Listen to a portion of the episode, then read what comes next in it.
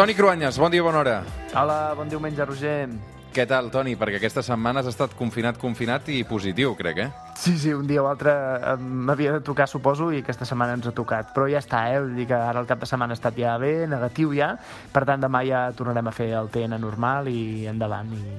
Bé, bé, Fantàstic. ha acabat bé la pel·lícula, diguem-ne, de moment. Tots tancats a casa, suposo, i llegint i, i fent de, del que toca, i no? Vull dir... Sí, i, i escolta'm, i mirant els telenotícies des de casa, que escolta'm, es veu diferent això també. eh? Sí, sí, sí, es veuen molt bé, també, es veuen molt bé. doncs mira, parlant de telenotícies, aquesta setmana ens ha cridat del TN, amb el Carles Costa, mm, atenció, l'atenció, aquesta notícia. Són paleontòlegs i tenen entre mans, literalment, la vèrtebra d'un dinosaure que va viure al Pirineu, al Pallars Jussà, fa 70 milions d'anys. Una nova espècie de titanosaure, l'Abditosaurus... La història és al·lucinant. S'ha descobert una nova espècie de dinosaure que va viure al Pallars Jussà fa 70 milions d'anys. Un titanosaure. És que moltes vegades expliquem notícies que ens semblen, qui sap què. A veure, un cop cada 70 milions d'anys bé val la pena que parlem d'un dinosaure. És, és una gran notícia. Amb aquest descobriment de l'Institut Català de Paleontologia es confirmaria un cert parentiu amb altres dinosaures herbívors gegants, en aquest cas d'Amèrica sobretot. Eh, Aquest titanosaure que han trobat al jaciment d'Urcau pesava 14 tones i feia 18 metres de llarg, o sigui, era molt gran. De fet, el nom científic d'aquesta nova espècie, traduït del llatí, significa el rèptil oblidat, un nom que eh, demostra el significat d'alguna manera d'aquesta troballa, Toni. Clar, oblidat, no? Entre, entre, mm, dintre de la baula de l'evolució seria el que faltava. A veure, dinosaure vol dir rèptil, que fa por, eh? Saure és rèptil i dino vol dir monstruós. I sí, aquest descobriment del Pallars és important perquè és com el que faltaria entre els dinosaures anteriors i els més moderns que s'havien trobat fins ara a Europa, que eren bastant més petits. Aquest Abditosaurus eh, seria la, la connexió entre uns i altres i els Pirineus, a més, devia ser un lloc on procreaven molt perquè s'ha trobat una gran quantitat d'ous de dinosaure, la més gran d'Europa. Realment és fascinant tota la història dels dinosaures. Sí, mira, per això avui parlarem no tant dels dinosaures mateixos, sinó sobre què sabem d'ells i d'on neix aquesta fascinació popular. We can't keep her here forever.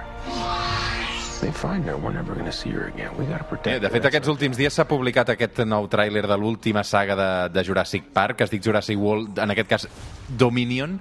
Um, suposo que moltes d'elles les has vist, no, Toni? Sí, no, a veure, em van encantar la primera i després algunes de les altres les he seguit també i, i a mi també em va fascinar, m'ha obrir els ulls a un món que desconeixia. El que passa és que, clar, eh, no crec que la saga de Jurassic Park sigui el motiu de la popularitat dels dinosaures, perquè això comença de molt abans.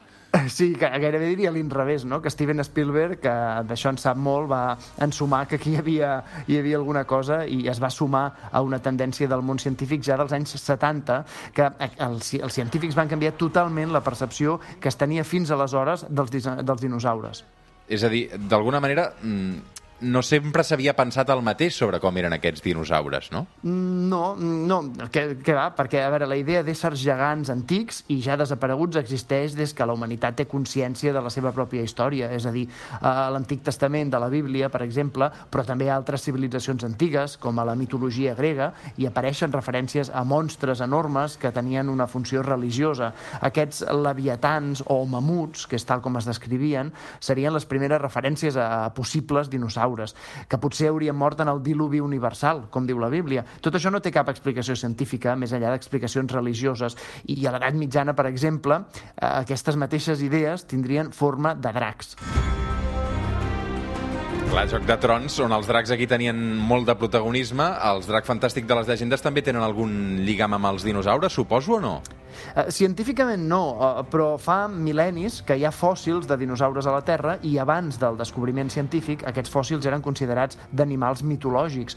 Totes les civilitzacions, des d'Amèrica del Sud fins a la Xina, tenen històries vinculades a monstres enormes. Eh, No és fins al segle XVII que un científic anglès va identificar correctament un fòssil d'un megalosaure i després ja no és fins al 1842 que es posa definitivament l'etiqueta de dinosaure a aquells descobriments de restes prehistòriques que que es van trobant a llocs diferents.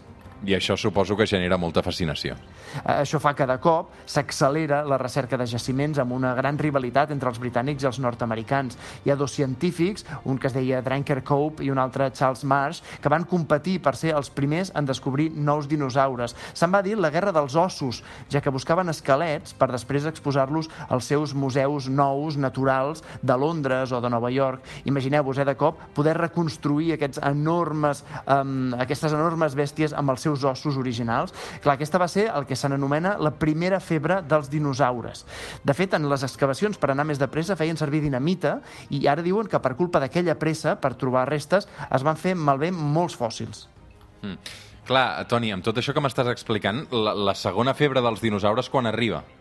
La segona febre dels dinosaures seria la que encara vivim ara i, i comença a la dècada dels 70 del segle XX. Eh, Llavors és quan es descobreix que els dinosaures no eren animals de sang freda, lents, poc capaços, eh, i per això es donava la idea que s'haurien extingit. Llavors, a partir dels 70 és quan es veu que aquest era un judici poc fonamentat, comencen també a sortir les teories del meteorit que hauria impactat a la Terra i hauria provocat canvis tan greus com, per exemple, l'extinció dels dinosaures, però s'ha descobert que en canvi eren molt més hàbils, que interactuaven, que tenien relacions socials entre ells. Clar, això fa que de cop siguin més fascinants. Fins al punt que es va assentar la teoria que els dinosaures teròpodes són, de fet, els avantpassats més creïbles dels ocells. D'alguna manera, els ocells serien supervivents dels dinosaures, igualment com els cocodrils, que també serien parents pròxims dels dinosaures supervivents. Clar, tot això va donar encara més ales a la imaginació popular i explica en bona part l'aparició dels dinosaures a la cultura popular i a la cultura de masses. És bestial, realment, Toni, com els nens petits ja aprenen i els fascinen també aquests diferents tipus de, de dinosaures i se saben totes les espècies i, i jo recordo jugar-hi de, de petit ja també, no? Sí, eh, jo crec que tot arreu ara hi ha eh, de plàstic de, de, de, de tot tipus, no? de, de, de, de col·leccions, de cromos. A veure, hi ha una sèrie al Super 3 que ha sigut molt popular durant anys, el Dino Tren, que és producte del màrqueting. Eh, eh, suposo que els, els creatius van pensar què agrada als nens, no? Els trens i els dinosaures, encara que sigui un anacronisme històric, però funciona. El dinotren! La senyora Taranó d'un pont, uns ous que encara no tenen nom. Tot de cop sent un soroll fortíssim i diu... Crec que els meus fills vindran al niu. Els ous s'esquerden en un... Déu-n'hi-do, déu nhi déu Toni. Va, una altra cançó. Dinosaures per totes les edats.